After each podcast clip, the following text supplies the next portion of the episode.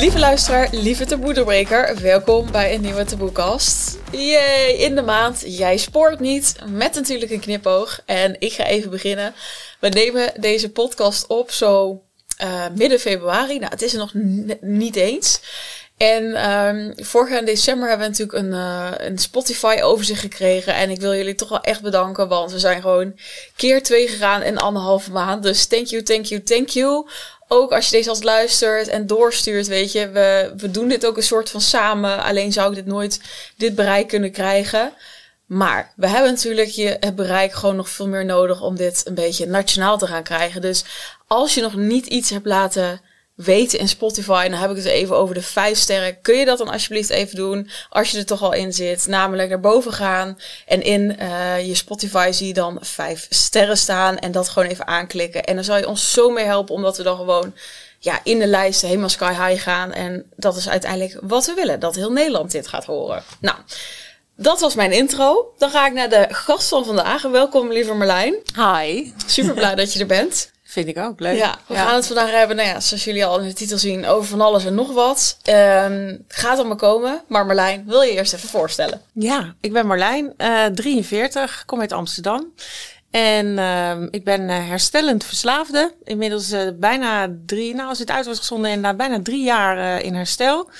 En uh, ja, veel meegemaakt in de tijd dat ik uh, verslaafd was. Want ik ben verslaafd geweest. Ja, hoe zeg je dat? Ik ben nog steeds verslaafd, maar ik was in gebruik van uh, alcohol, cocaïne, nicotine, tabak noemen ze het ook wel. En ook liefdesverslaving. Dus ja. ja, en dat is een niet al te veel gehoord ja, verhaal. Ja, daar gaan wij natuurlijk vandaag ook nou ja, ja. we gaan je heel je verhaal waarschijnlijk horen. Maar uh, natuurlijk is het ook dat ik jou heb uitgenodigd om dat stuk. Omdat ik denk dat heel veel... Ja, ja uh, ik zelf ook. Ik heb het ook gemerkt van... Oh ja, ik heb ook heel erg die liefdesverslaving gehad... in de zin van de bevestiging en erkenning. Ik denk dat heel veel mensen dat hebben... maar soms misschien niet weten. Dus daarom dat dit zo'n mooie podcast uh, is om...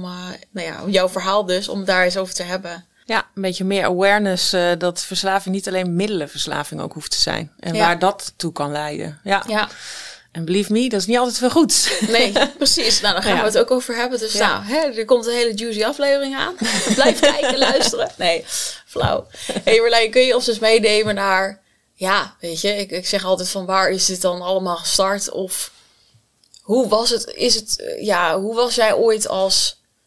Ja, mens dan. Weet Als je? mens. Want ja, uh, we hebben het hier vaker gehad in de podcast dat er iemand tegenover me zit en denk ik, nou, uh, nou, niet echt de typische verslaafde. Nee, nee. Met een hoogopgeleide vrouw. Nee. Hoe kan dit dan? Ja, nee, en dat is wel mooi, want heel veel mensen zeggen nog steeds ook, ik, ik, ik ontmoet steeds meer herstellende verslaafden en ook uh, mannen en vrouwen, van alles door elkaar. En, en dan zeggen ze, jij? Nee, echt niet. Ik zie het niet voor me met zo'n lijn voor je neus en dan uh, snuiven. ik zeg, nou ja hoor, dat heb ik veel gedaan. Nou ja, ik, ik doe alsof ik er trots op ben, maar uh, ja, weet je, ja, um, ik, ik was altijd gewoon Marlijn. Heel veel mensen, en ik denk, nou ja, de meeste mensen in mijn omgeving wisten niet hoe erg het met mij was toen ik aan de bodem zat. Mm. En dat maakte ook het hulpvragen heel moeilijk. Uh, maar de, de persoon, is mijn moeder, die het beste mij kent, die kan zeggen: nee, dit begon al heel jong. Heel jong als klein meisje. Um, zelf doen. Uh, nee, nee, nee. Niet knuffelen, niet te dichtbij komen. Um, mij niet vertellen hoe iets werkt. En als ik het dan uit wilde leggen en mijn moeder begreep het niet, dat ik zei: Je begrijpt mij niet. En dan zei ik altijd: Jij bent een moeder met geen smaak. Mijn moeder vindt het nog steeds een mooie uitspraak. Ik had een moeder met geen smaak. En uh, nee, dus dat was, ja, als klein kind was ik gewoon al heel anders. En dat heb ik heel snel gevoeld. Ik voelde uh, me altijd te veel.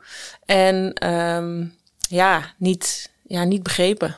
En, uh, en dus ging ik uh, op zoek in de rest van de wereld, omdat ik het eigenlijk bij mijn ouders niet kon vinden. En dan echt nog meteen gezegd hebben, niets ten nadele van mijn ouders. Ze zijn super lief. Mijn vader is inmiddels niet meer. Ik heb heel veel liefde ontvangen zoals zij dat konden geven. Ik kom niet uit een destructief gezin.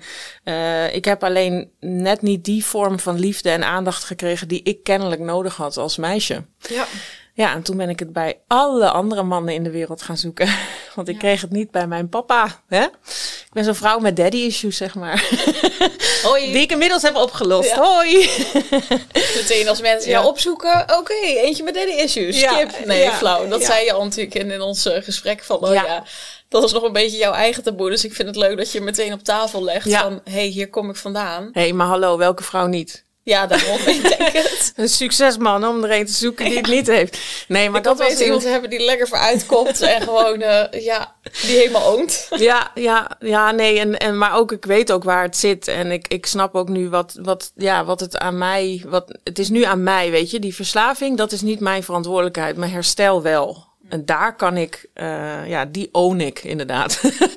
en eh, nou ja, hard voor gewerkt om daar te komen waar ik nu ben. Ja, vind ik een mooie uitspraak. Zo heb ik hem nog eh, nooit iemand horen zeggen. Ik weet niet En of welke die uit jezelf bedoel komt. Nou, We zijn over... niet je Verantwoordelijk, ja, we zijn niet verantwoordelijk voor een verslaving, wel voor ons herstel. Ja, dat komt uit het, eh, de zelf, anonieme zelfhulpgroepen. Je hebt de, ja, om het in een rijtje te noemen, de EE, hè, de Alcohol Anonymous, de Narcotics Anonymous. Eh, maar zeker in de verslavingszorg hoor je, het is niet onze schuld dat we verslaafd raken. Niemand heeft als kind bedacht, goh, laat ik later lekker verslaafd worden. Nee, niemand. Eh dat hebben we niet om gevraagd. We hebben een stuk biologisch, een stuk psychisch en een stuk sociaal. Wat bij elkaar, ik had gewoon de jackpot. Ik was gewoon de lul. En eh, ja, dat heeft zich geuit in alle verslavingen die ik net opnoemde. Ehm, maar waar je wel verantwoordelijk voor bent, is ja, je eigen gedrag. Wat ga je doen? Op het moment dat je beseft, ik ben verslaafd, wat ik dus op, op een dag besefte. Toen moest ik nog wel heel even door. en toen ik op de bodem zat, dacht ik, oké, en nu? En nu weet ik. Ze zeggen ook recovery fucks up your using. Als je eenmaal weet wat herstel is en je gaat daarna terug in gebruik, wat ik gelukkig nog niet kan vertellen hoe dat is, of niet kan vertellen hoe dat is, maar dat, dat is nooit meer hetzelfde. Omdat ik nu, ik weet nu hoe mooi het leven is in herstel. Why the fuck zou ik terug willen? maar ja, het overkomt de beste. Het is natuurlijk de ziekte van terugval. Dus eh, ja, het is heel uitzonderlijk om, om, om clean te raken of, of in herstel te komen en daar, daar niet een terugval in te hebben gehad. Dat, eh, ja, dus ik weet niet hoe het is om terug te vallen na een goede poging herstel. Dus, en dat hou ik ook graag zo. Maar eh, ja, het is, het is een hele verantwoordelijkheid om dat ook zo te houden. Ja. Dat zit wel best fast forward natuurlijk. Nou, hè? Ja. Maar ik Zo, wil even met het goede nieuws Doei. beginnen. Hè? Ja, precies. Dat kan ook een keer. Hè? Ja. Ja, nee, jij noemt al van hè, best wel vroeg ben ik dat dan gaan zoeken buiten mezelf. Hoe zag dat er dan uit? Ehm, ja, altijd buiten spelen. Altijd weg van huis. Altijd bij vriendinnetjes thuis. Want daar was het ongetwijfeld beter dan bij mij in mijn eigen omgeving. Ehm, ja, tot, tot de ergernis van vriendinnetjes toe. Die zeiden, ja, maar ik wil ook gewoon wel een keer mijn kamer opruimen. Of ik wil wel een keer een kamer opruimen. Thuis blijven, hoezo? Weet je wel? Altijd de hort op. En hoe Ehm, oud was je dan? Als ik... Nou, dan heb je het over de basisschool. Oh, oké, echt ja, op de echt basisschool. basisschool. Dan was het al Kleine gewoon. ja. ja. Ja, ja, ja, Dat was echt eh, altijd buiten en spelen. En mijn moeder zei ook altijd: ik kon niet goed alleen me vermaken. Ehm, dus ik had altijd iemand nodig die zei: Wat doe je dat goed? Of wat heb je het naar je zin? Of oh, wat leuk, zal ik je helpen? Kennelijk, hè? Dat, ik weet in ieder geval, de onrust kan ik me heel goed herinneren als kleinkind. Nou, en dan kwam middelbare school en dan werd ik verliefd. En dan was het, nou, eigenlijk op de basisschool al was ik verliefd op de, op de populairste jongen van de klas. En ik moest hem hebben. En ik kreeg hem. Lucie, hè, als je luistert. Oei. ik heb het wel eens eerder over hem gehad. Maar nee, het is, ja, en dat was, dat was waar ik leerde. Daar zat voor mij de kick. Het iets willen wat heel moeilijk te krijgen is. En als ik het dan kreeg, dan was het, ja, dan had ik gewonnen of zo. Maar dan was ook, zoals mijn vader altijd zei, het hebben van de zaak is het einde van het vermaak. Dan was het ook klaar. En dan moest ik weer door. Ja, Dus je had, dan had je ook die verkering dat je eigenlijk, nou, het, het, ik Ja. het en ik ben weer weg of zo. Ja, en ah, ja. Nou ja, zeker op de basisschool dan. Hè. Wat doe je dan nog? We, we kusten nog niet eens. Maar het was wel langs zijn huis fietsen en kijken waar die was. En als hij daar en daar speelde of, of daar buiten was. En dan hadden we het wel over 12, 13 jaar. Hè. 11, 12, 13. Dus dan begin je al een soort van te denken dat je volwassen bent. dat je het weer even al begrijpt. En, uh, maar dat, ja, dat, en dan eenmaal die verkering hebben. En dan weet ik nog heel goed, het is wel een mooi detail, had ik van die All-Star gimpen vroeger. Van die witte randjes onder je voeten. En dan, of onder de, op de zool. En dan stond dan XXX Lucien. Nou, ik heb het echt aan de hele wereld laten zien. Dat was mijn trofee, zeg maar. Maar ik kan me niet herinneren dat we hand in hand liepen, dat we leuke tijden hebben gehad. Nee. Dus het ging echt om de verovering. Ja. En dat is liefdesverslaving. Dat is echt het hebben van, ja, alles eraan doen om het te krijgen. Om, omdat ik dan dacht, ja, dan ben ik iets waard. Want ik heb de leukste jongen van de school. Of van de klas, ik weet het niet meer precies. Maar uh, ja, dus daar begon het. En dan was het de middelbare school. Uh, kreeg ik ook een vriendje. En, en waar liefdesverslaving uiteindelijk ook zich in gaat uiten, is in de verkering, zoals het toen dan heette, weten dit klopt eigenlijk niet. Het is niet oké. Wij, wij waren echt, ja, zoals ze dat noemen, traumabonding, allebei een beetje in de war. Uh, hij had mama issues, ik had daddy issues, zeg maar. En, en dat dan samen in een verkering, nou, dat ging echt, dat ging alle kanten op. En dan daar niet uit willen. Omdat En, ik dacht, ehm, als ik alleen ben, dan houdt het helemaal op het leven. Je hebt als puber eh, dan, en je zegt van, oh, het ging alle kanten op. Wat bedoel je dan? Ja, nou, op seksueel vlak alles uitproberen samen, maar dan ook op een gegeven moment ruzie krijgen om ja, maar nu ben ik aan de beurt, want nu wil ik iets ervaren. En nu, hè, dat was echt, het was heel erg experimenteren met elkaar. Uh, maar ook alle kanten op dat als hij met een ander meisje was, dat ik dan helemaal gek werd. Of uh, met iemand een vriendschap had en dat ik dacht, nou dat klopt niet. Ook altijd bij hem willen zijn. Um, als hij afbelde van ik moet iets anders doen, dat ik dan dacht, ja zie je, je wil me niet. Nou ja, de extreme vormen van uh, Ja. ja, bevestiging zoeken. En als ik het niet kreeg, meteen het doemdenken. Zie je wel, je houdt niet van me of je wil me niet. Ja, en dat, dat had hij ook af en toe. Dus dat ging dan echt van, ja, of we zaten samen helemaal uh, in elkaar verstrengeld op de bank of allebei in een hoek. het is het een of het ander. Ja, precies. Ja. En jij noemt een paar keer al dan natuurlijk die liefdesverslaving. Wat zou je dan zelf noemen wat dat dan precies is? Um, ja, liefdesverslaving is eigenlijk. Ik probeer het nog korter dan, dan dat ik. Nou ja, het is moeilijk om uit te leggen, want echt een definitie. Er zijn heel veel ver, uh, betekenissen van. Ja, maar die jij dan. Uh, die ik eraan ja. geef, is voor mij is liefdesverslaving er, er ten koste van jezelf. Um, en in dit geval is het voor mij een man, maar ten koste van mezelf alles vragen, uh, alles doen voor die man om zijn liefde en bevestiging te krijgen. Dat is mijn ervaring in, in liefdesverslaving. En um, ja, en dan, je kunt hem ook nog relatieverslaving is, is ligt daar heel dicht tegenaan. Want liefdesverslaving is heel erg op het fantaseren en er alles voor over hebben en het willen hebben en het dan krijgen. Een relatieverslaving zou het bijvoorbeeld over kunnen nemen op het moment dat je in de relatie zit en je wil er maar niet uit, ook al is het heel slecht. Omdat je bang bent om alleen te zijn. Dat, dat ligt heel dicht bij elkaar. Dus waar de ene, de definities keren zich ook nog wel eens om. Dus liefdes slash relatieverslaving. En eigenlijk kun je dan zeggen interpersoonlijke verslaving. Prachtig, hè? Zo, mooi. ja, maar ik vind dat een beetje een onpersoonlijk woord. Terwijl er staat interpersoonlijk. Maar ja, liefdesverslaving voelt voor mij echt alles ervoor over hebben... om de liefde van een ander te kunnen krijgen. Whatever that may be. Mhm. Mm -hmm. Want wist ik veel wat dat was vroeger.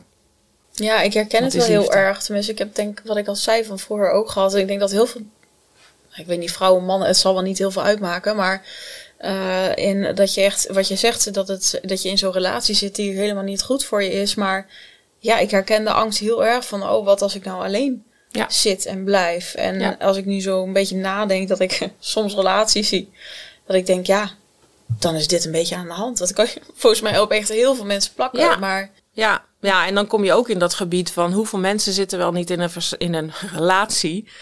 Waarvan ze eigenlijk zeggen: Ik ben niet gelukkig, maar ja, alleen, ja. Weet je, het is beter dit samen dan alleen. Nou, echt, fuck that.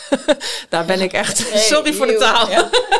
Oh, dat Nee, kan, niet oh, dat kan hier? Dat zijn Ja, ze andere. Ja. Nee, maar dat, dat echt nooit meer. Want ja, dat heeft mij in de, in de diepste krochten van, uh, van mijn uh, ongelukkige bestaan uh, gebracht. ja. Dat, dat ik gewoon zo ver ging dat ik niet meer bestond. Dat alles draaide om de ander en niet meer om mij. Ja, Ja, plus dat ik denk ook van, ja, natuurlijk, uh, hè, als je met iemand wil blijven zijn, dat het dan makkelijker is dat je ongelukkig dan blijft en naar de buitenwereld een soort van gelukkig bent. Maar je houdt jezelf toch voor de gek als je zo. ja, je doet jezelf tekort. Maar het feit is, uh, ik had geen alternatief. Ik zag niet wat dan. En dat was ook in mijn behandeling, zei ik ook vaak tegen mijn behandelaar van ja, ik snap dat ik niet meer kan gebruiken. En ik snap ook dat ik van mijn ex af ben nu en dat ik dat zo moet houden. Maar wat nu dan? En dat was het soort leegte van, oké, okay, dus nu heb ik zeg maar, ik had letterlijk een clean slate. En ik mocht hem zelf gaan invullen, maar ik, had, ik, had, ik wist niet welke kleuren en welke pennen en, en moest het verf of, of, of kleurpotlood of krijtjes zijn. Ik wist niet hoe dan. Nee, maar ik snap het ook wel als je altijd dus bezig bent geweest om die anderen zo te pleasen en hey, hey zie mij. Ja, Want ja, wie is Marlijn dan ook in Ja. al die jaren? ja. Ja. En dat kwam vrij snel wel weer terug hoor. Want het is er namelijk al die tijd wel. Je verliest jezelf niet. Je, je, je bent er gewoon nog. en, en, en mijn normen en waarden ook. Alleen ik wist alleen niet wat die waren. En ik moest er gewoon naar op zoek. Ja, en dan, ja. Ja. dan wordt het gewoon een, een flinke pittige reis. Maar eh, ja, it's worth it. Ja, want, zoals je eh, ziet, je ziet er hey. fantastisch zo. Hier, self-empowered woman. Ja, zeker. Nee, Ja. zo voelt het ook. Ja. Maar goed, ik moest van ver komen. Om Ja. daar dus ja, naartoe te gaan. Ja. Kun je ons meenemen naar, eh, hè, want je hebt al een aantal relaties genoemd. Uiteindelijk is het natuurlijk bij één relatie dat je, hè, waarvoor je hier zit, is Ja. het stukje loverboy. Ja. Kun je ons meenemen van, hey, hoe is dat dan ontstaan? Ja, ik eh, kwam uit een eh, lange relatie, negen jaar samenwonend, eh, stabiel in de zin van geen echte middelenverslaving op dat moment, maar ik zat natuurlijk uiteindelijk in een relatie die mij continu aan het bevestigen was. Dus dat was heel veilig en fijn. En hij, is ook nog steeds een goede vriend van mij, eigenlijk mijn enige vriend zou ik zeggen. Ik heb vooral vriendinnen, maar hij is de mannelijke vriend in mijn leven. En dus dat is dat dat dat moest, dat, wij moesten uit elkaar. Het werkte gewoon niet meer. Nou, toch negen Ehm, jaar. ja. Tenminste, dat lijkt me, Ja, nou, dat het zo lang goed gegaan, terwijl jij noemt van, Ja. oh, ik ben zo op zoek. Dat Nou, het ook een dat- beetje de dynamiek dan is misschien. Dat was de dynamiek, want Ja. hij eh, is nog steeds 25 jaar ouder dan ik. Dus Ah, eh, Over taboes gesproken, ja, jongens. Tik, over daddy issues aan. gesproken. maar dat zei ik altijd. Mijn vader zei altijd, je hebt toch al een vader? Dat zei ik, ja, maar het is ook niet mijn vader. Het is niet mijn oom. Het is niet mijn beste vriend. Maar het is van alles een klein beetje. In alles wat ik zocht. In, Mhm. een, in een partner zat in hem. Alleen wat ons uiteindelijk uit elkaar bracht, is het leeftijdsverschil. En dat ik dacht... En Want ik dacht oud altijd, was jij toen je hem ontmoette? 25 was hij 50. En ehm, eh, hoe heb je elkaar dan ontmoet? Ja, online. Oh ja, online. Ja, online. Ja. Ja. ik heb eigenlijk eh, de relatie daarna ook online. Mijn achtergrond is ook dat ik heel erg op zoek was naar, eh, naar ehm, dominante mannen. Mm. En nou ja, dat is een heel ander onderwerp, denk ik. Nog een keer langs, lieverd. Maar goed, dan kom je een beetje op, dat, eh, op het kinky, eh, het, eh, het, het grey verhaal. Maar ehm, ja, daar, daar zat toen mijn interesse in. ik wil me gewoon overgeven. Ik, ik wil niet meer nadenken. Ik weet het kennelijk allemaal niet hoe het werkt. Ik zoek gewoon een man in mijn leven die, die mij vertelt... ik neem je wel mee. Aan de arm, aan de hand. En ik wilde dat meisje zijn. En hij mocht die grote, stoere, stevige man zijn... die mij over zijn schouder naar de grot bracht, zeg maar. Hè? Ik, bedoel, ik wilde gewoon zo'n alpha male. Uiteindelijk werd het een 25 jaar oudere man. Het was een maar man in het was een man. En, eh, en op zijn manier... Maar mijn moeder noemde hem de Marlijn Fluisteraar. Deze man. Ik noem hem Theo nog steeds. Hij is gewoon mijn, mijn, mijn vriend. Theo, als je luistert. eh, dit, is, eh, dit is de man die mij wel een heel eind op weg heeft geholpen. Met hem ben Mm. ik volwassen geworden. Ik ontmoette hem op mijn 23ste, geloof ik. En ja, dus heb met je daar hem... ooit... eh, oh, ja, ja. sorry, want ik ben meeluisteren. Denk, heb je ooit veel reacties dan gehad van je ouders? Want ik kan me voorstellen dat mensen nu ook luisteren en denken... 25 jaar, jezus, wat spoort smerig. niet. Ja, en ook misschien dan, sorry Theo, van jou. Van, oh, en dan zoveel jonger. Ja, Ja. nou, dat, dat zien we misschien wel vaker. Maar Ja. ja, en jij dan, je sport niet. Ik bedoel, iemand van 50 ziet er fysiek toch ook veel minder uit dan jij, eh, Ja. strakke 25 jaar.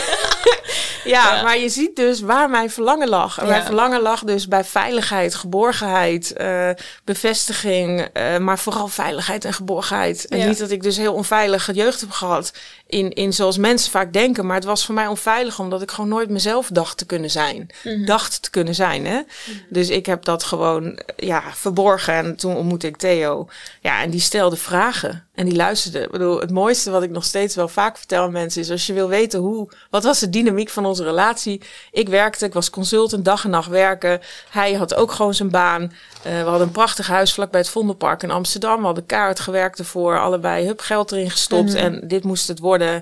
Eh, en dan kwamen we thuis en dan zeiden we op zaterdag... we gaan even de praxis in, dan moesten we iets doen aan het huis of zo. En dan gingen we een bakje koffie doen bij de praxis. Er zit vaak zo'n koffiecorner of met een broodje. En dan konden wij daar dus twee, drie uur zitten. En dan kon ik mijn hele week aan hem vertellen. En dan humde die gewoon. Uh-huh, uh-huh. Oh, en dan stelde hij af en toe een vraag. Bij hem kon ik gewoon helemaal mezelf zijn. En hij vond het heerlijk. Eh, Ja. hij, hij kon daar af en toe een scherpe vraag stellen.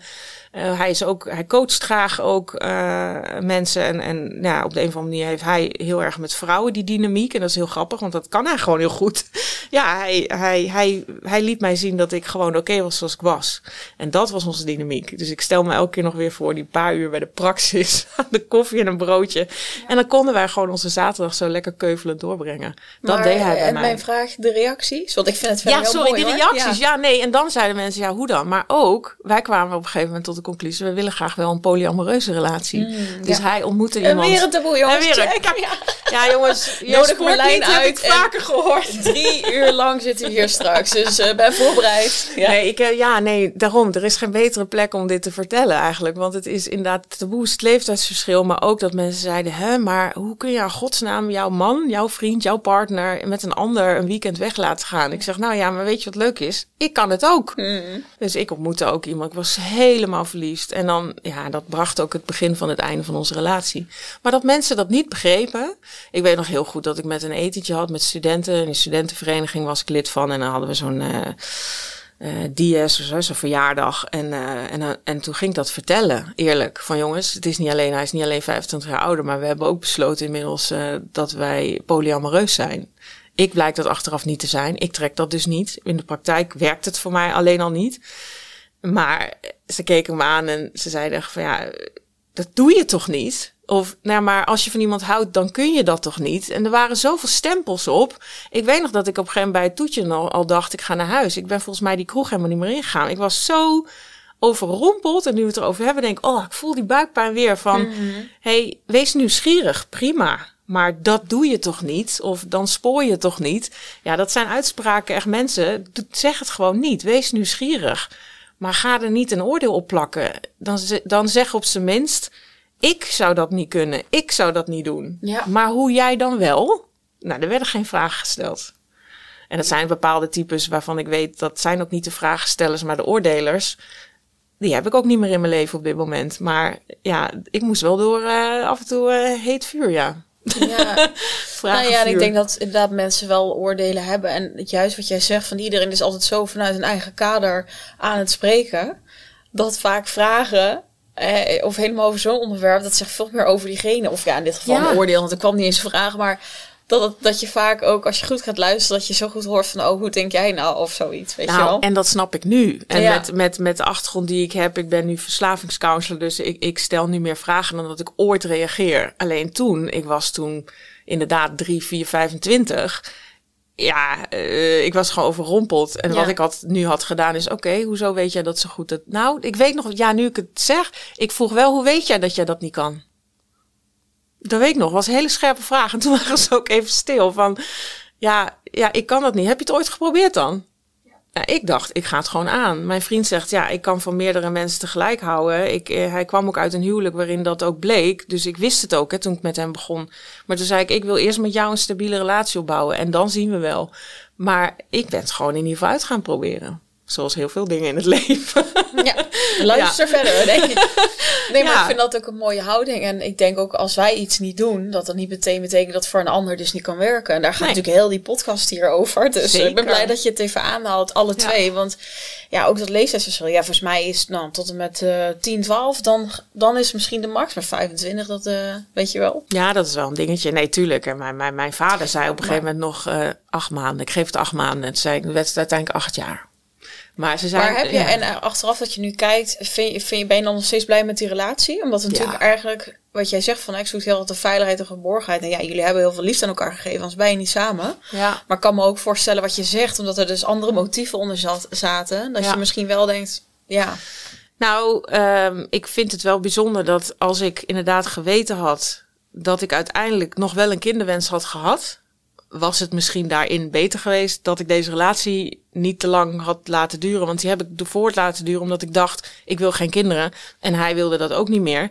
Eh, dus dat, dat ding hoeven we niet mee te dealen. Maar op een gegeven moment werd ik dus 30 plus. En wat gebeurt er bij een vrouw? Letterlijk, ik werd op een dag wakker en die hele eierstokken, die dachten, nou weten we het zeker. En toen begon bij mij de hele tornado van wil ik dat misschien niet? En weet ik zeker dat ik dat niet wil? En uiteindelijk hebben we onder andere om die reden heb ik de relatie beëindigd. Maar nooit zal ik zeggen dat ik er spijt van heb. Echt niet. Want deze man heeft echt zoveel betekend in mijn leven. En nog steeds is als Eh, vriend. Ja, zeker. En, en ik bedoel, als ik hem eh, midden in de nacht opbel, weet ik niet of hij opneemt. Maar als het zou zijn, dan zou hij er zijn. En hij is er op heel veel moeilijke momenten in mijn leven ook gewoon geweest. Dus eh, nee, het is echt een tijd die ik niet zal vergeten. Want ik denk ook als ik die relatie niet had gehad, dat ik al veel eerder aan de grond had gezeten wat betreft middelenverslaving, vermoed ik. Dus dan Ja. was ik er misschien niet eens meer geweest. Maar dat is wel een heel extreme. Maar ja, Dat is toch hoe je het zo ervaart. Ja. Ja. Weet je, je kan het natuurlijk nooit weten, maar uh, je wil soms meenemen als die relatie dus uit is. En dan begint volgens mij een beetje het stuk waar het, uh, de dark side, De dark side. gaat. uh, Ja, daar ben ik echt mezelf in verloren. Want ik beëindigde die relatie. kwam uiteindelijk heel snel, want ik zat nog in die polyamoreuze relatie met iemand anders. Was ik aan het daten. Die heb ik er gewoon achteraan geplakt. We hebben anderhalf jaar samen gewoond. En uiteindelijk bleek dat ook niet te werken. Was ook weer, zou je kunnen zeggen, een onbeschikbare, emotioneel onbeschikbare man. Want ja, Theo met zijn leeftijdsverschil. Ik wil geen kinderen meer. En, uh, en heel anders in het leven staan dan ik was ook zo'n man. Uh, eigenlijk alle mannen die ik had gehad. Uh, waren er eigenlijk niet echt voor mij. Of konden er niet zijn, laat ik het zo zeggen. Um, ja, en toen dacht ik, ik wil geen relatie meer. Ik wil gewoon alleen maar spanning. En uh, ik ga gewoon lekker een, een leuke toyboy, uh, loverboy. werd het uiteindelijk. Maar even iets anders, jongens. wilde ja. Ik, ja, ik wilde gewoon lekker genieten van het contact met de man. low level. En wel zien waar het schip strandt. Nou ja, in ieder geval liever niet dat het schip strandde. Maar dat gebeurde uiteindelijk wel in mijn verhaal. In mijn geval en was dat dan ook een actie om even iets meer je hart te beschermen? Dat je zoiets, Ja. een beetje de, uh, weet je wel, het liefde dacht van, nou ja, volgens mij gaat het niet werken, dus dan doe ik maar een beetje low key, weet je Ja. wel? Ja, nee, het was, het was echt, ik dacht, eh, ik ging online weer op dezelfde soort eh, thema eh, website waarin ik eh, dus gelijkgestemde vond, kon vinden. Oftewel, ik was de volgzame vrouw en de dominante man. En ik dacht, weet je, laten we het gewoon lekker eh, simpel houden, makkelijk. En geen liefdesrelatie aangaan die weer van alles van elkaar vraagt. En, um, nou, en zo ontmoet ik uh, Ron. En, uh, en ik zei nog wel heel voorzichtig, goh Ron, zullen we dan ergens even een kopje thee doen of een kopje koffie gaan we kennis maken. Maar meneer zei meteen al, en dat was de, de, de first red flag, ik bepaal hoe we elkaar ontmoeten. En dat is één bij jou thuis, twee op de tijd die ik voorstel en drie en je trekt aan wat ik wil dat je aantrekt of zo. Nou, ongeveer in die... Uh... Zo, ja, mensen kunnen mijn hoofd denk ik niet zien als je luistert, maar ik zit er zo, weet je wel, met je ogen naar achter, dat je echt denkt, oké, okay, ja, zo kun je ook binnenkomen. Ja, en ben je vond, zeker van je zaak. Ja, en ik vond jij dat waarschijnlijk heel lekker sexy. spannend. Ja, ja. En ik weet nog toen ik open deed, dat ik dacht, oh my god, het was een beer van een vent. Hij was breed. Uh, ik kan niet veel over hem vertellen, want ik wil ook zijn privacy bewaren. Zo discreet ben ik dan weer wel, maar voor de rest uh, ga ik er geen geheim van maken.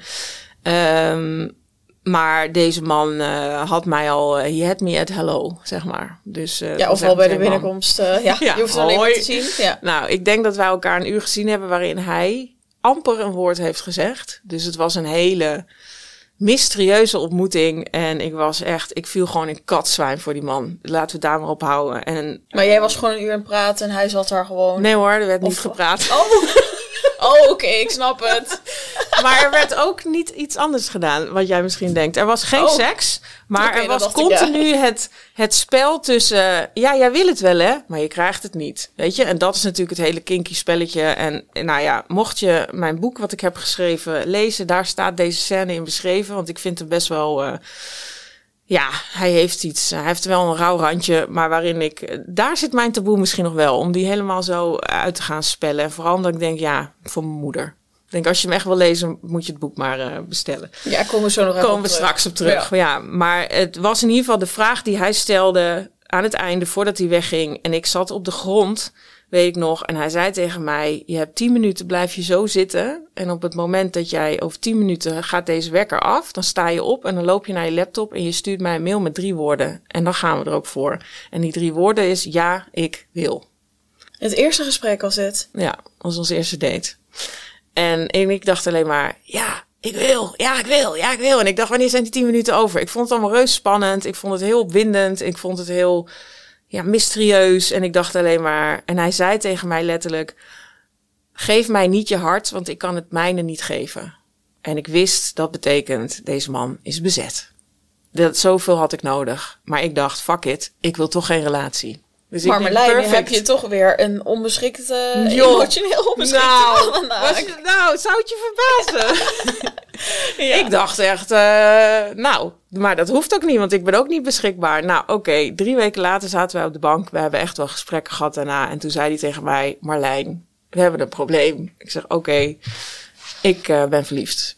Ik ben hartstikke gek op je en ik weet het nu ook niet meer. En ik zei, nou, dat is geen probleem, want eh, volgens mij vinden we elkaar allebei leuk. Dus eh, we zien het wel. En ik dacht toen, ik geef hem drie maanden en is hij bij zijn vriendin weg. Want deze man was natuurlijk hartstikke gebonden, had ook een gezin. En eh, nou, en dan gaan we gewoon samen. hè, we gaan gewoon eh, de rest van. Hè, wij worden gewoon eh, Bonnie en Clyde. We gaan de wereld aan. Deze man gaat voor mij kiezen. En was je toen ook nog bezig met, oh, dat is eigenlijk ook niet helemaal ethisch wat ik aan doen ben? Of ja, fuck die kinderen, het boeit me geen fuck. Nou, ik dacht wel vooral. En, en met alle respect, ik ben niet hier degene die fout zit, dat is hij. Ja, sowieso Dus waar. dat, eh, hè, als we het over shaming en blaming hebben, dan denk ik, ja, ik weet het wel. Ik, ik, ik, eh, ik denk nu alleen maar, ik heb het te doen met de vrouw die nu nog bij hem is. Dus Mm. eh, dat ik denk, hoe, hoe, hoe goed zit zij in de vel dat ze dit allemaal heeft gepikt? Want ze weet uiteindelijk nu precies hoe het is gegaan. Ja. Ehm komen later nog wel op, maar eh, uiteindelijk... Stay tuned, eh. Stay tuned, ja. Nee, maar deze... ehm, ja...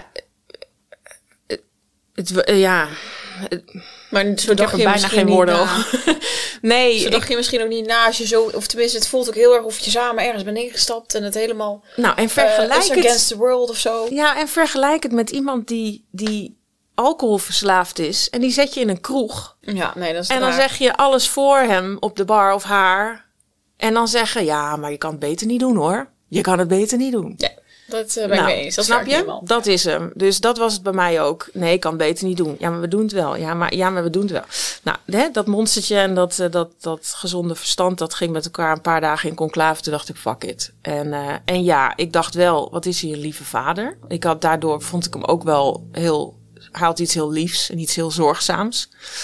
Ehm, maar ik dacht ook, hij be- bedondert de boel. Dus ja, wat betekent dat als, ik, als hij wel voor mij zou kiezen? Wat gebeurt er dan met mij? Ga ik straks bedonderd worden? Dus tuurlijk, dat, hè, dat, dat. Maar ik dacht, nee, maar ik wil helemaal geen relatie. Dus hè, lang leven de lol. Nou, dat gesprek is dus maanden in mijn hoofd gegaan tot op een dag dat ik dacht, nou, eh, als ik er nu niet mee kap, dan kom ik hier nooit meer uit. Want eh, ik vind het veel te leuk.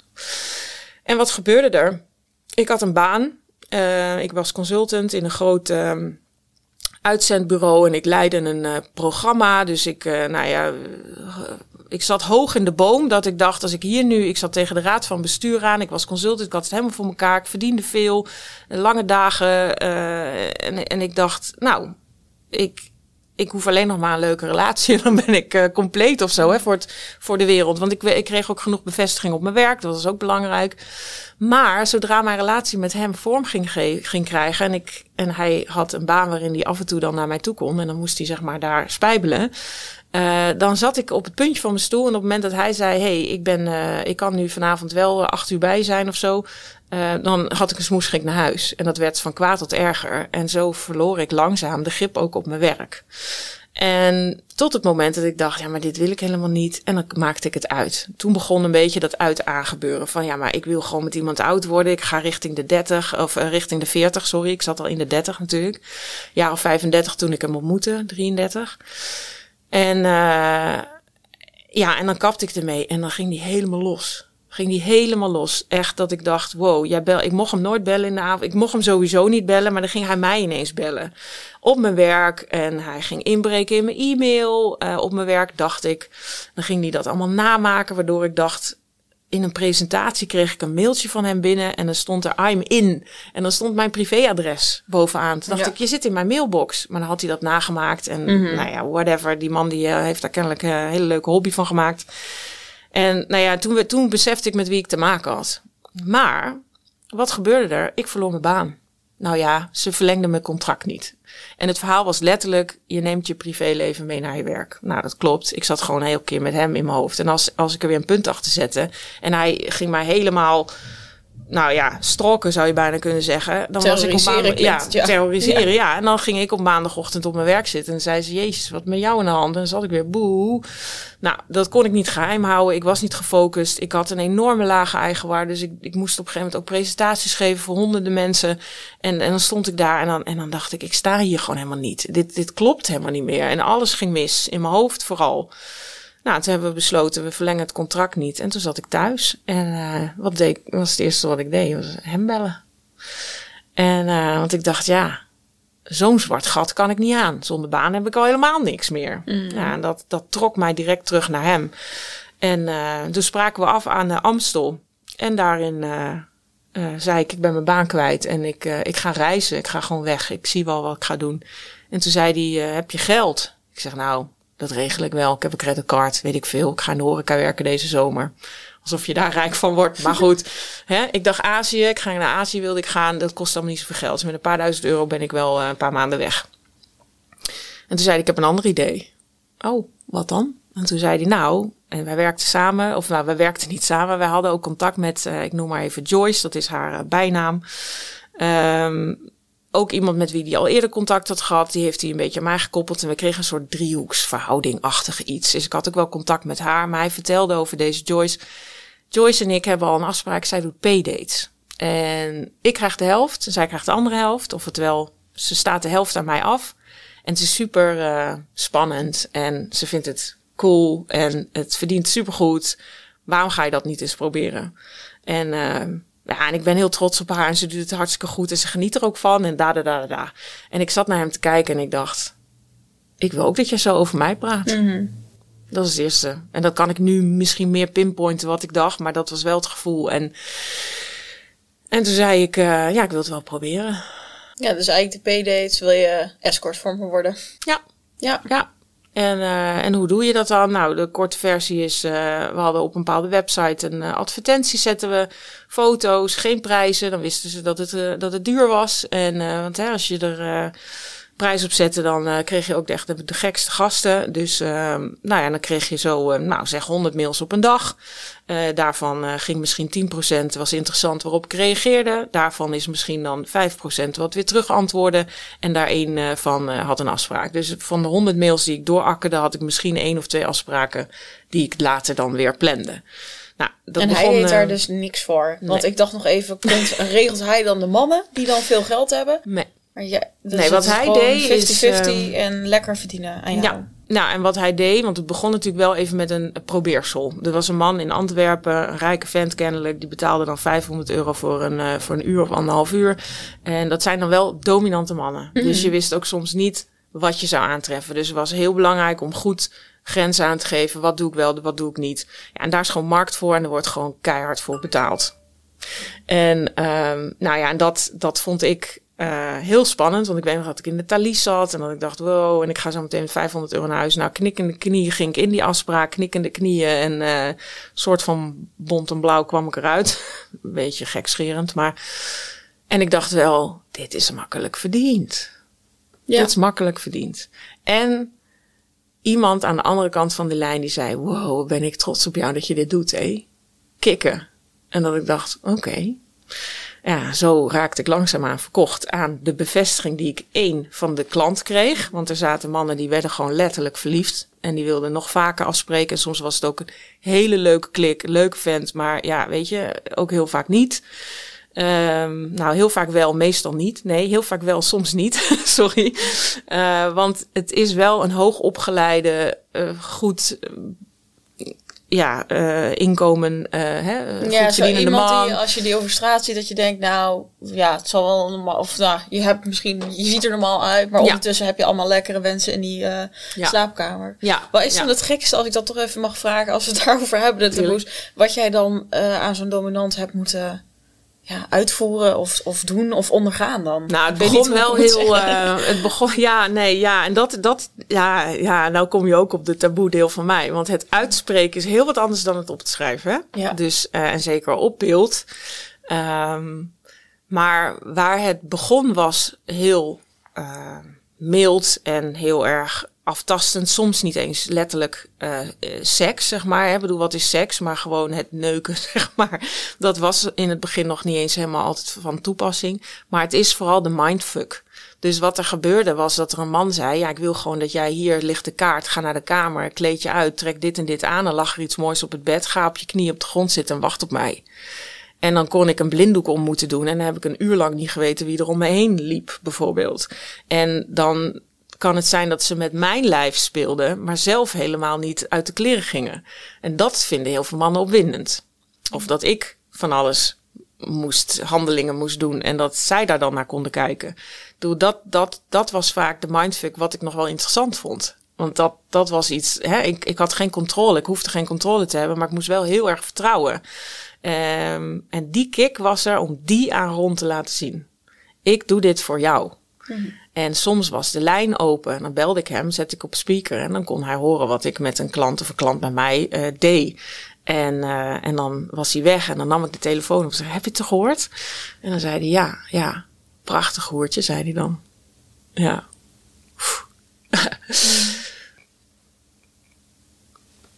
Ja, raakt het je? Ja. Ja.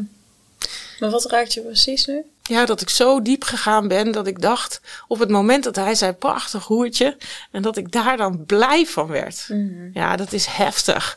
Ik denk, wow, ik heb lang niet deze emoties meer gehad, omdat het ook gewoon iets is wat ik, ja, ik schaam me er niet meer voor. En ik, maar het is zo heftig dat, dat ik ook weet dat er zoveel vrouwen hier doorheen gaan. En die, dan, die denken dat ze er niet uit kunnen. Want dat dacht ik ook. Ik dacht, ik kom hier nooit meer uit. Want het, het ergste waar het op een gegeven moment naartoe was.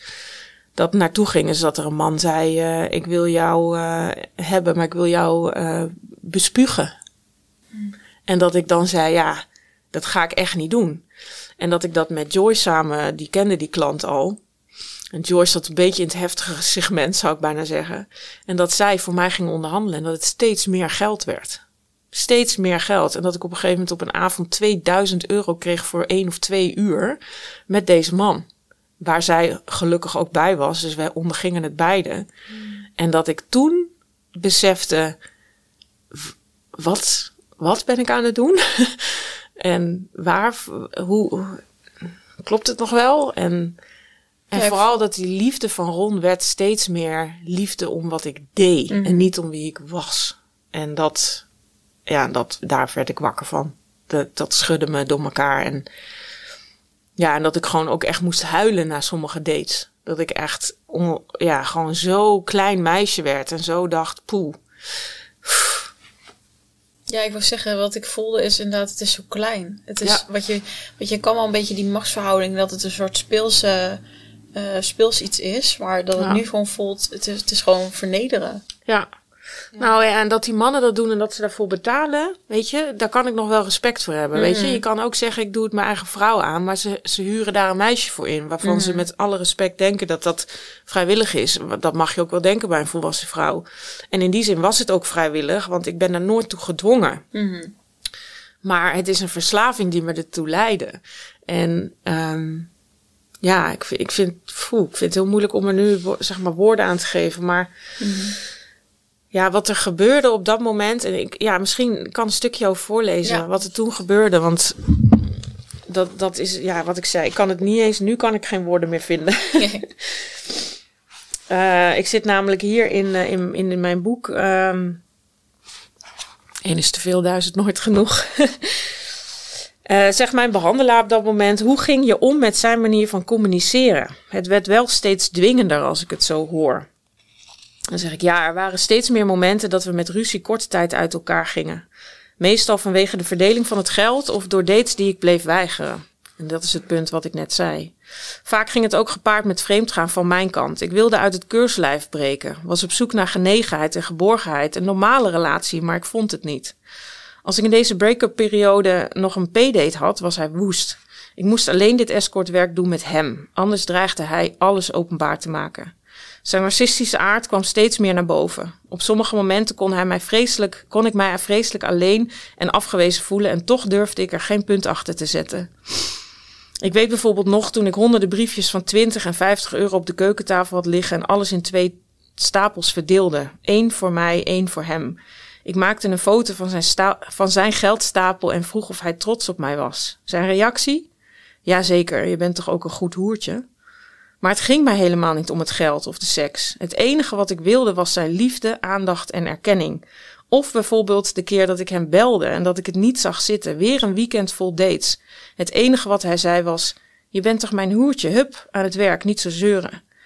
De herinnering is nog haarscherp. Verstijfd zat ik achter mijn stuur, de auto net geparkeerd voor het hotel waar de eerste klant al op mij wachtte. Langzaam ruikte mijn hand naar de binnenspiegel, pakte de zijkant beet en draaide het spiegeltje naar mij toe. Rood doorlopen ogen keken mij aan. Ze leken meer dood dan levend. Niemand die ik kon vertellen hoe ik me voelde en niemand die ook maar zou geloven wat ik op het punt stond te gaan doen. De laatste zonnestralen verstopten zich achter het hotel. Het grote glazen gebouw legde zijn langgerekte schaduw over mijn auto, alsof het mij liet weten dat het doek gevallen was. Ergens diep van binnen voelde ik iets bewegen, zoals een leeuw die zich op zijn andere zij draait in zijn donkere grot. Ik had iets opgemerkt, maar nam het niet bewust waar. Het enige wat ik daarna voelde was een complete leegte. Ik was niet meer dan een schim van mezelf. Hoe ik het deed, begrijp ik nog steeds niet. Maar ik stapte uit, hing mijn handtas over mijn onderarm en hoorde het geklik van mijn hakken terwijl ik naar de entree van het hotel liep. Een mantra die zich bleef herhalen in mijn gedachten. Ik ben liever zijn high-class escort dan mijn waardeloze zelf. Ja, Dat die dus. Wauw. Ja, Ja, en toen moest ik nog even door, hè? Voordat ik er echt uit durfde te stappen. Ja, ik voel zo de spagaat tussen jezelf helemaal niks vinden en, eh, en ook voelen van hé, hey, dit, gaat, dit, dit klopt ook niet meer. Nee, Want wat je zegt, in het begin voel je nog een beetje van oh, die leuk, die adrenaline en hoe zou het zijn? ja. Maar ik kan me voorstellen dat het inderdaad de verzoeken worden steeds gekker of je moet misschien steeds meer. En Ja, en het geld stapelde zich ook op, hè? Ik kon er niks mee. Ik had gewoon een dubbel leven. Er lagen duizenden euro's en enveloppen ergens in mijn huis. Ik, ik, uiteindelijk weet ik nog het laatste wat ik ervan gedaan heb, is een zeer uitgebreide drank- en drugsvakantie in Nice en Monaco. Waar we echt eh, de duurste champagnes en alles eh, toen met mijn toenmalige vriend. Het moest op. En een eh, auto. Daar rijd ik nu nog steeds in, een cabrio. ja, en toen was het op. ja, Maar, ehm, maar goed, het was toen nadat ik stopte. Want ja, ik, ik wist gewoon wat ik net voorlas, dat was het begin van het einde. Toen wist ik, ik moet eruit. Maar ik wist ook, als ik eruit stap, dan gaat hij me echt kapot maken. ja en want dat dat lijkt ik. me dus ook. Want je hebt dat natuurlijk meegemaakt toen je zei van oh, ik hoef het even niet. Ja, Dat hier zo die controle is vanuit die man. ja. Dat, dat is natuurlijk niet zomaar weg. Want dat was ook jullie verhouding. Nou, weet je wat het is? En dat, dat, dat nu, achteraf kan ik nu zeggen, ik weet niet of hij mij ooit letterlijk gegroomd heeft om mij uiteindelijk voor hem te laten werken. Of dat het iets was wat along the way is gekomen. Ik vermoed is letterlijk het eerste, eigenlijk, eerlijk gezegd. Maar dat hij ooit tegen mij zei, jij bent net als een telefoon. Op het moment dat je hem in de la legt omdat je een nieuwe koopt, maar als die nieuwe het niet meer doet wat je wil, dan moet je die oude kunnen pakken. Jij bent mijn oude telefoon. Nou, ja, fijn, je respect voor de one-liners. Maar eh, dat hij denkt zo. Maar, en toen dacht ik, ik weet niet wat je gaat doen, maar ik, weet nog, het was een moment, maar ik kreeg te horen dat mijn vader, ik was met hem mee naar het ziekenhuis, die had een eh, levertransplantatie gehad zes jaar geleden en deze leven ging het ook weer begeven. En hij was boven de 70 dus, of hij werd dit jaar 70 toen dat jaar. Eh, dus hij ging geen nieuw meer krijgen. En ze zeiden, ja, weet je, het kan een jaar duren of vijf jaar. Mijn vader is uiteindelijk negen jaar, maanden later overleden. Veel sneller dan we dachten. Maar ik weet nog dat het november 2018 zat ik op het bed in een hotel. En, hij, en Ron zat naast mij en ik vertelde dit. En ik moest zo hard huilen dat ik zei, ja, ik trek het niet. Ik, dit, dit kan ik helemaal niet behappen. En dat ik tegen hem zei van, zeg dan iets. En ik weet nog dat hij achterover viel in, op het bed. Eh, liet zich vallen en hij trok mij naar zich toe en hij knuffelde mij. En ik zei, nee, dit is niet genoeg. Dat weet nog zo goed dat ik dat tegen hem zei. Toen zei ik, nee, ik heb meer nodig. Dit, zeg dan wat of zo, hè. Praat met mij. Of... En toen zei ik, je moet gaan. En toen heb ik hem in dat halletje van die suite, weet ik nog waar ik in stond, heb ik hem eh, een knuffel gegeven. Ik kon hem eigenlijk niet loslaten. Ik was helemaal in paniek, helemaal hyperventilerend huilen. Maar ik zei, je moet gaan, je moet gaan. En dat was ook de laatste keer dat ik hem zag. En toen dacht ik, ik stop nu de relatie, maar ik werk nog even een maand of twee door. En dan heb ik geloof ik tot januari 2019 of zo heb ik het volgehouden. Nog een maand, anderhalf. En, eh, en toen ben ik daar ook mee gestapt. Nou, toen brak de hel los. Twee maanden later zat hij mij dagelijks te stalken. En het is, ja... Dat is echt niet, uh, niet, dat kan ik niet uitleggen hier in zo'n kort tijdsbestek. Maar ook dat heb ik geprobeerd samen te vatten in mijn boek. Maar het was echt, deze man heeft een dagtaak gemaakt om mij digitaal lastig te vallen. Dus, uh, dus dan ben je vader, of tenminste je hebt een gezin, je hebt kinderen. Ja. En dan gaat er dus zoveel energie daarheen. Van, oh, ik ben helemaal mijn macht kwijt over, over... Of zo klinkt het heel erg Ja. van over iemand en dat wil ik terug. En dan ga ik alles voor doen. Ja, en, en dit noemen ze, en ik doe niet de diagnose, maar het- ik heb het vermoeden, eh, of hij is helemaal in de war geweest, wat hij later, ik heb in de rechtszaal tegenover hem gestaan voor deze stalking. Hij heeft later gezegd, ik heb PTSS en daardoor deed ik deze gekke dingen. Nou, ik had ook PTSS door wat hij heeft gedaan en ik heb daar niemand mee lastig gevallen Mhm. hoor. Eh, ik vermoed een narcistische persoonlijkheidsstoornis. Maar dan ben je echt, dan denk je echt dat de wereld om jou draait. En Ja. dan, ja, Nou, is ook wel logisch als je, dat je mensen aantrekt die zichzelf dus alleen maar aan iemand willen geven. Dat, Ja. Tenminste, lijkt me ook weer een, lo- een logische ja. dynamiek. Maar uiteindelijk het gekke is, wij waren op zoek naar hetzelfde. Mm. En alleen hij heeft het op een hele destructieve en andere kwetsende, terwijl je andere kwetsende manier, zeg maar, Mhm. heeft, hij een, heeft hij gedacht dat het zo werkte. Hier, hier, hier heeft hij zijn eigen eh, bestaansrecht uit, uitgetrokken. En eh, nou ja, ik moest het gewoon doorbreken. En eh, ja, dat werd gewoon een living hell. En hoe lang heeft hij jou gestalkt? Nou, het begon een beetje in februari. eh, maand 2019 zitten we toch? ja, 2019. En eh, ik had inmiddels vrij snel na de breuk met hem. Ja, eh, t- ik moet wel een beetje de, de, de lat hoog houden. Weer met een getrouwde man kwam ik. eh Nadim noem ik hem in mijn boek. Marokkaanse jongen. Keek hem in zijn ogen. Ik was helemaal verkocht. En ja, dat was heel bijzonder. Maar hij ging mij lastigvallen toen hij dus kennelijk een paar keer langs mijn huis reed. En mij met hem zag staan. Nou, dan moet je waarschijnlijk wel heel vaak langs mijn huis gereden Mhm. hebben. Want wij stonden daar nooit de hele dag. En dan, hij dacht toen, je hebt een nieuwe pooier. ja, want het Ja. leven draait namelijk om jou. Ja, ja, ja. nou ja, dus ehm, ja, maar ja, dat werd heel naar. En toen ging je ook bellen en inspreken en eh sms'en spoeven. Dus mensen nadoen, eh, mails op mijn werk, eh, naaktfoto's erin. Wat dat als ik een mail opende, dat ik dan in een groot scherm op mijn eigen beeldscherm stond. Op mijn werk bellen, de lijnen bezet houden. Ehm 200 keer per dag Tinder aanmeldingen voor mij. Mij aanmelden op hookers.com of zo. Alleen maar allemaal wachtwoorden proberen te wijzigen. Ik kreeg allemaal notificaties. Hij zat maar gewoon te terroriseren. En, uh, maar vooral dan heel af en toe mail. Ik denk dat we moeten praten. Dan lost het zich vanzelf op. Dus alleen maar chanteren eigenlijk. Mm. Ja, en in mei heb ik aangifte gedaan. Want uh, ik heb in april toen nog eerst uh, melding gemaakt. En toen was het uh, s'avonds meteen nieuwe e-mailadressen. Hij is, na de melding is hij helemaal doorgedraaid. Wat in principe de melding moet zorgen dat hij stopt. Want dan gaan ze vragen of hij op het bureau komt. Gewoon meneer, u, valt iemand lastig. En hij zei nee hoor, ze stalkt mij. Ze wil dat ik het uitmaak met mijn vriendin en dat ik voor haar kies. Ik zei, en toen zei de politie nog, houdt u dan even een logboek bij? Nou, dat heeft hij natuurlijk niet gedaan, want hij was degene die stalkte. En, uh, en, en duurde maand heb ik aangifte gedaan. En dat heeft... Uh, nou, tot januari 2020, toen is hij van zijn bed gelicht. Dus hij ochtends om half acht of acht uur, geloof ik, van zijn huis uh, opgehaald.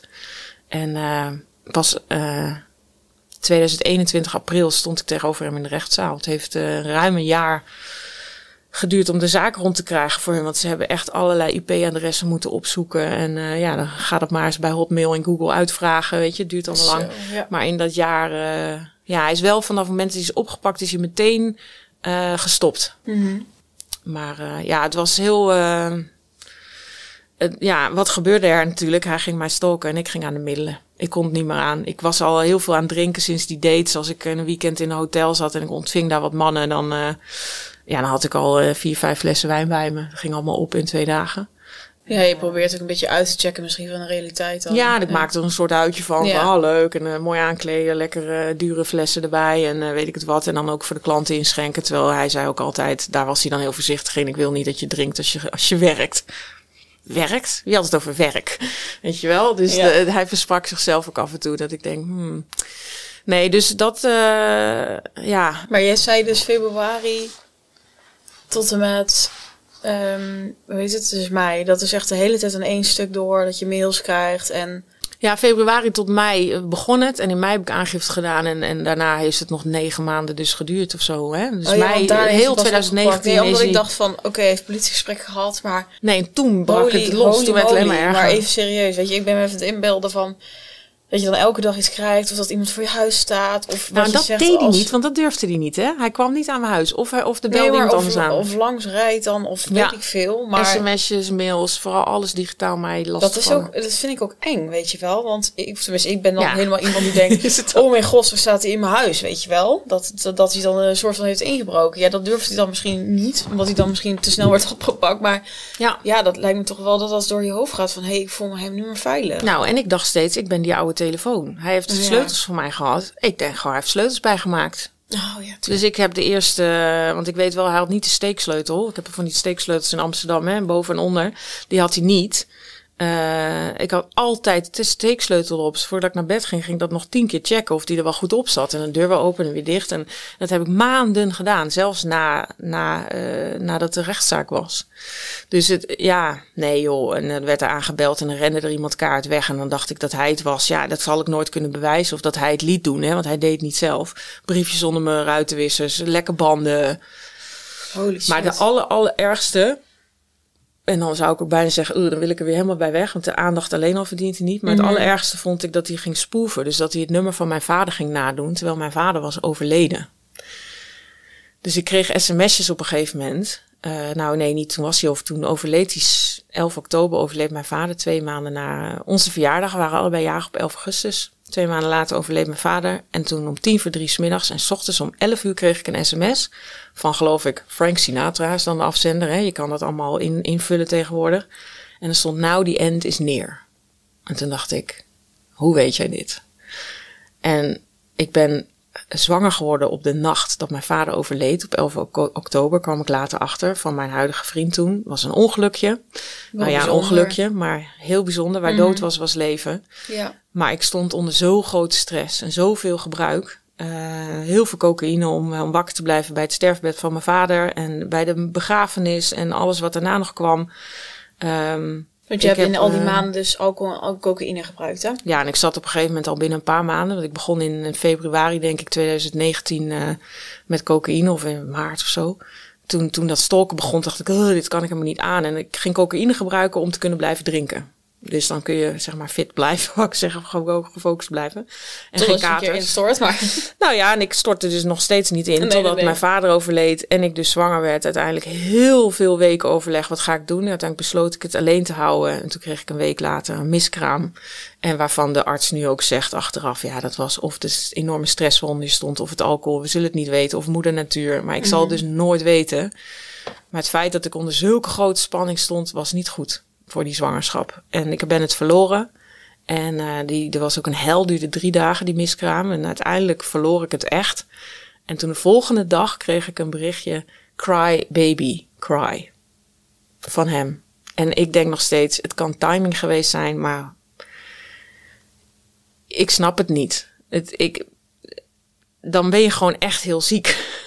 Holy shit. Ja, en het zal gewoon een toeval geweest zijn, maar dat hij dan, ja, hoe vette zeug en weet ik wat hij me allemaal noemde. Echt, oh my god. Het is gewoon te triest voor woorden eigenlijk.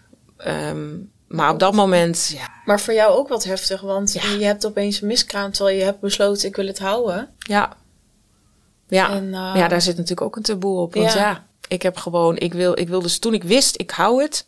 Of toen ik wist dat ik zwanger was, ben ik gestopt met gebruiken. Maar dat was bijna niet te doen. Dus heel soms wou ik een heel klein beetje koken. Of, een, of, of, of, of alleen maar een, bitter eh, in mijn in mijn gingerbeer. Weet je, bitter is gewoon 80% alcohol of zo. Doe maar dan maar een paar druppels. En weet je, dan zijn de barman nog, ja, maar er zit ook alcohol in. Boeien. dat ik kon bij, zo verslaafd en zo... Ik had het zo nodig, want dat is het lullige als je het over verslaving hebt. Het moeilijkste is, er is zoveel moed nodig om te stoppen met datgene wat jij juist denkt dat de oplossing is. Want ik dacht ook, als ik die relatie maar hou, dan, dan, dan is het oké. Dan ben ik in ieder geval niet alleen. Ja, achteraf nu, jezus man, was ik er maar eerder uitgestapt, tuurlijk. Maar ja, ik voel me heel veilig nu alleen en heel gelukkig en heel fijn. Maar dat moment, ja. Dus toen die miskraam kwam en ja, toen heb ik drie maanden, ik kan me niks meer herinneren. Weinig. Alleen maar, ik, ik zat altijd te gebruiken in de kroeg, nachtkroegen, nachtclubs. Ik uh, kook, kook en alcohol. Gewoon doorgaan. En dan om zeven, acht uur s ochtends in bed. Soms wel een afterparty.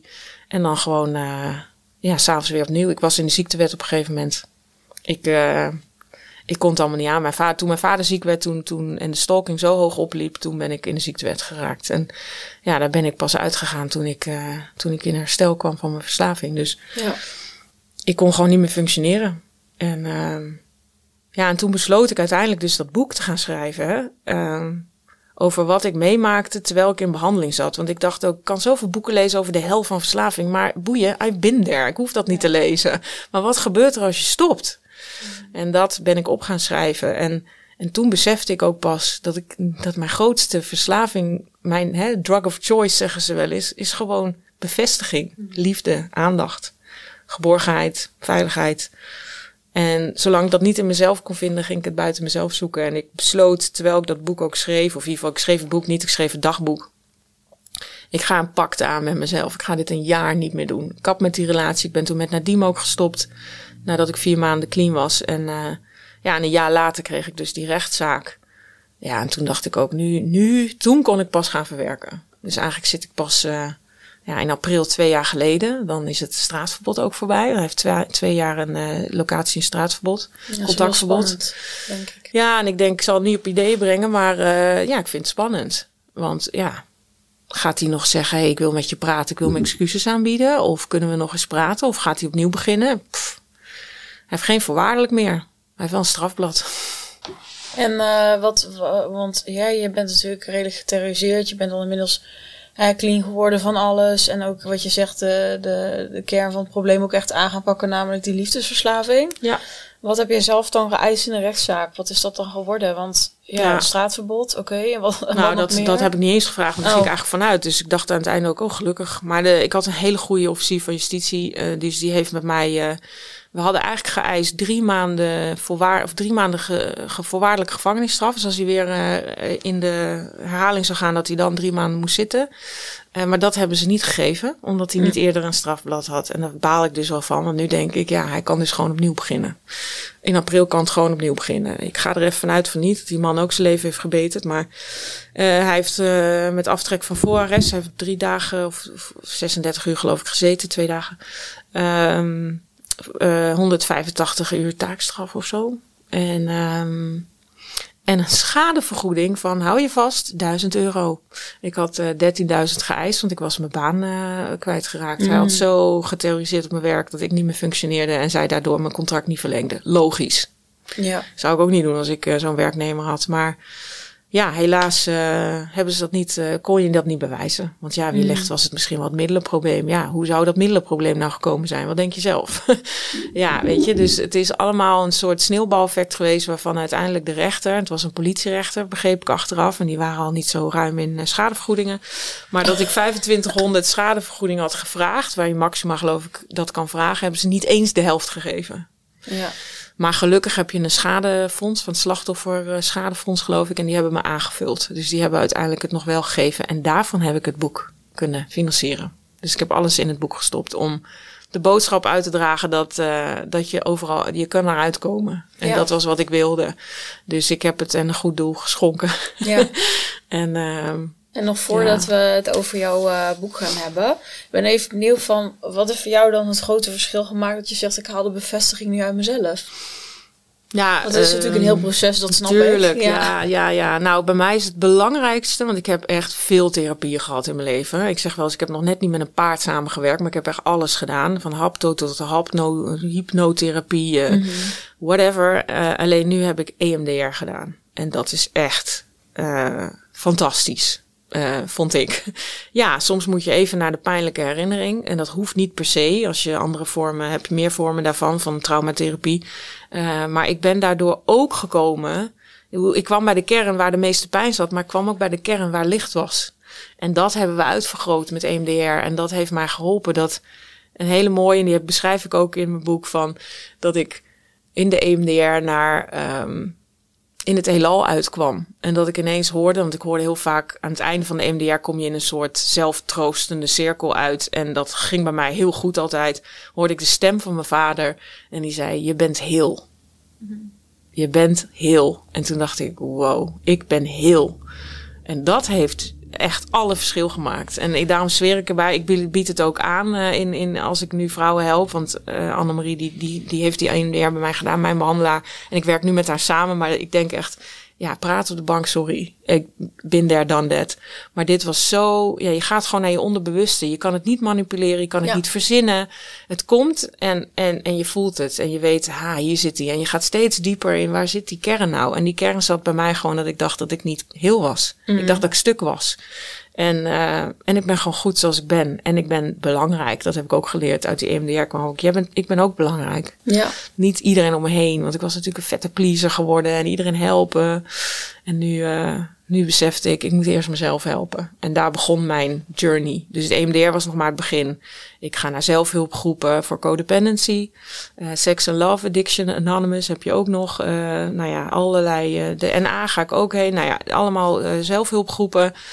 Um, ja, die mij geholpen hebben om met mezelf naar mezelf te gaan kijken. En, en, en vooral bij codependency patronen zien van, oh, ik zit weer in mijn compliance patroon of ik zit in mijn avoidance. Ik moest gewoon echt zien, wat doe ik, welke keuzes maak ik en uh, ja, wat is de gezonde wat is de gezonde keuze die ik hier kan doen? En vooral uh, check je motieven. Dat heb ik geleerd. Waarom wil ik, waarom wil ik deze man bellen? Of waarom wil En wat ik ook nog de allermooiste vind, is dat ik altijd bezig was met wat vindt hij van mij? En nu vraag ik mezelf af, wat vind ik eigenlijk van hem? Ja. Die is ook zo mooi dat ik denk, we zijn altijd maar bezig met, vindt hij me wel leuk? Vindt, hij me, vind ik hem eigenlijk wel leuk? En denk ja, dat, uh, ja, maar goed, daten heb ik sowieso twee jaar niet gedaan. Amper, laat ik het zo zeggen. Mm. Dus, uh, dus het is vooral verkering met mezelf. Dat heb ik gedaan. Ik heb verkering met mezelf genomen. En uh, ben mezelf gaan leren kennen. En mezelf vertroeteld. En voor mezelf gekookt. En uh, mezelf mee uitgenomen. Ja, het klinkt al bijna zo'n cliché, maar ja. ja het is wel gewoon zo, jongens. Dus, Sorry, uh, jongens, ja. we kunnen er geen mooie verhaal van maken. Nou, ik vind het een super mooie. We, we, kunnen natuurlijk uren hierover kletsen. Dus dat, hmm. nou, mocht je willen dat we nog een keer gaan kletsen, dan uh, la, laat het ons vooral weten. hey, ik vind dat een mooie laatste boodschap met dit wat je net zei. Ik wil natuurlijk wel even jouw boek in beeld. Ja. dus uh, lieve luisteraars, je hebt het al gehoord, maar dit is dus tijdens jouw herstel helemaal opgeschreven en het proces en inderdaad niet hè, oh de zwaarte misschien daarvoor nou ja misschien benoem je wel eens wat ik, ja er zitten uh, flashbacks in ja er zitten flashbacks in ja. maar uiteindelijk om, om, om context te geven voor waar was ik bezig tijdens de behandeling ja. dus er zijn geen uh, er zitten een paar mooie cowboy verhalen in een aantal hebben jullie al gehoord ja precies maar het is echt uh, ja, het is, het is voor mij een boek waar ik hoop heel veel vrouwen mee te inspireren. Uh, there is a way out. Ja. In, vanuit waar je ook maar eruit moet. Moet je uit een toxische relatie, moet je uit gebruik. Uh, weet je, zit je ongelukkig in je werk en denk je, er is helemaal niets voor mij uh, weggelegd. Er is echt, er is meer. Ja. En, en het is mooi en het is licht en het is ruim en, uh, en het is liefde. Wow. Oh, even zweven. Sta jullie nee. even met me op? Nee. Ja, ja nee, maar dat... Super tof. Ja, ik wil jou het boek geven. Oh, thanks. Alsjeblieft. Ik ga hem zo voor, super je, tof. voor je signeren. Yeah, en, uh, jongens. En ik hoorde, of jij had natuurlijk gezegd ja. van... hé, hey, we mogen er ook eentje weggeven. Dus wat we doen, we maken hier eventjes een uh, audiootje van. Die kun je vinden op uh, Taboekast. En dan, uh, wat je, het enige wat je hoeft te doen is, ik wil het boek winnen. Of weet ik het, laat een hartje onder die post achter. Het, maar het maakt ons niet zoveel uit. Ja. oh, als je Iedereen van, heeft er wow, recht op. Ja. Super vet, weet je. En dan gaat Marlijn iemand uh, uitkiezen. En uh, krijgt hij waarschijnlijk ook gesigneerd. Ja, stuur ik hem op, gesigneerd. Ja. Dus mocht je zoiets hebben van, oh, ik herken dingen in het verhaal. Of met de liefde. Of wat je ook zegt, weet je, je benoemt natuurlijk zoveel. Ja. Eén is te veel, duizend nooit genoeg. Dus, um, nou, die kun je in ieder geval winnen. Yes. Helemaal top. Nou, um, ja, als jij zoiets hebt van, oh ja, volgens mij, ik denk wel dat we in ieder geval hebben gedeeld wat, we, wat je wilde delen. Ja, we hebben en, ook uh, mooi rondgemaakt. Het, is ook weer, het is ook weer goed gekomen. Ja, en dat vind precies. ik ook wel heel belangrijk. Ja. ja, dat is hier toch wel vaak. Dat iemand ook zit uh, die de transformatie heeft doorgemaakt. Ja, ja. gelukkig. Dus ik wil jou bedanken. Ook uh, ja, heel mooi en ook vond ik het ook heel mooi van, hey, ja, je bent zelf ook even geraakt. En ik denk dat dat het allermooiste is van onze eigen verhalen. Dat we soms denken van, wow, weet je, waar heb ik toch gestaan? En ook dat dat juist heel inspirerend kan zijn van, oh ja, wacht even, als ik dit meemaak of iets, dat het mag je ook blijven raken, maar vooral te zien, hey, het kan ook helemaal anders uitpakken. Ja. Dus dank je wel daarvoor. Ik ga jullie bedanken voor het luisteren. En uh, mocht je Marlijn natuurlijk iets willen laten weten of haar op willen zoeken, we zetten alles in de beschrijving. Dus uh, kun je de Instagram vinden, de website, weet je, en het boek natuurlijk. Voor als je denkt, nou, ik ga hem zelf gewoon bestellen. Ehm, ja, dus dat. Nou, ik eh, spreek jullie bij een volgende in eh, de een nieuwe week. Ode aan een vrouw. Of maand, moet ik zeggen. Doei! Doei!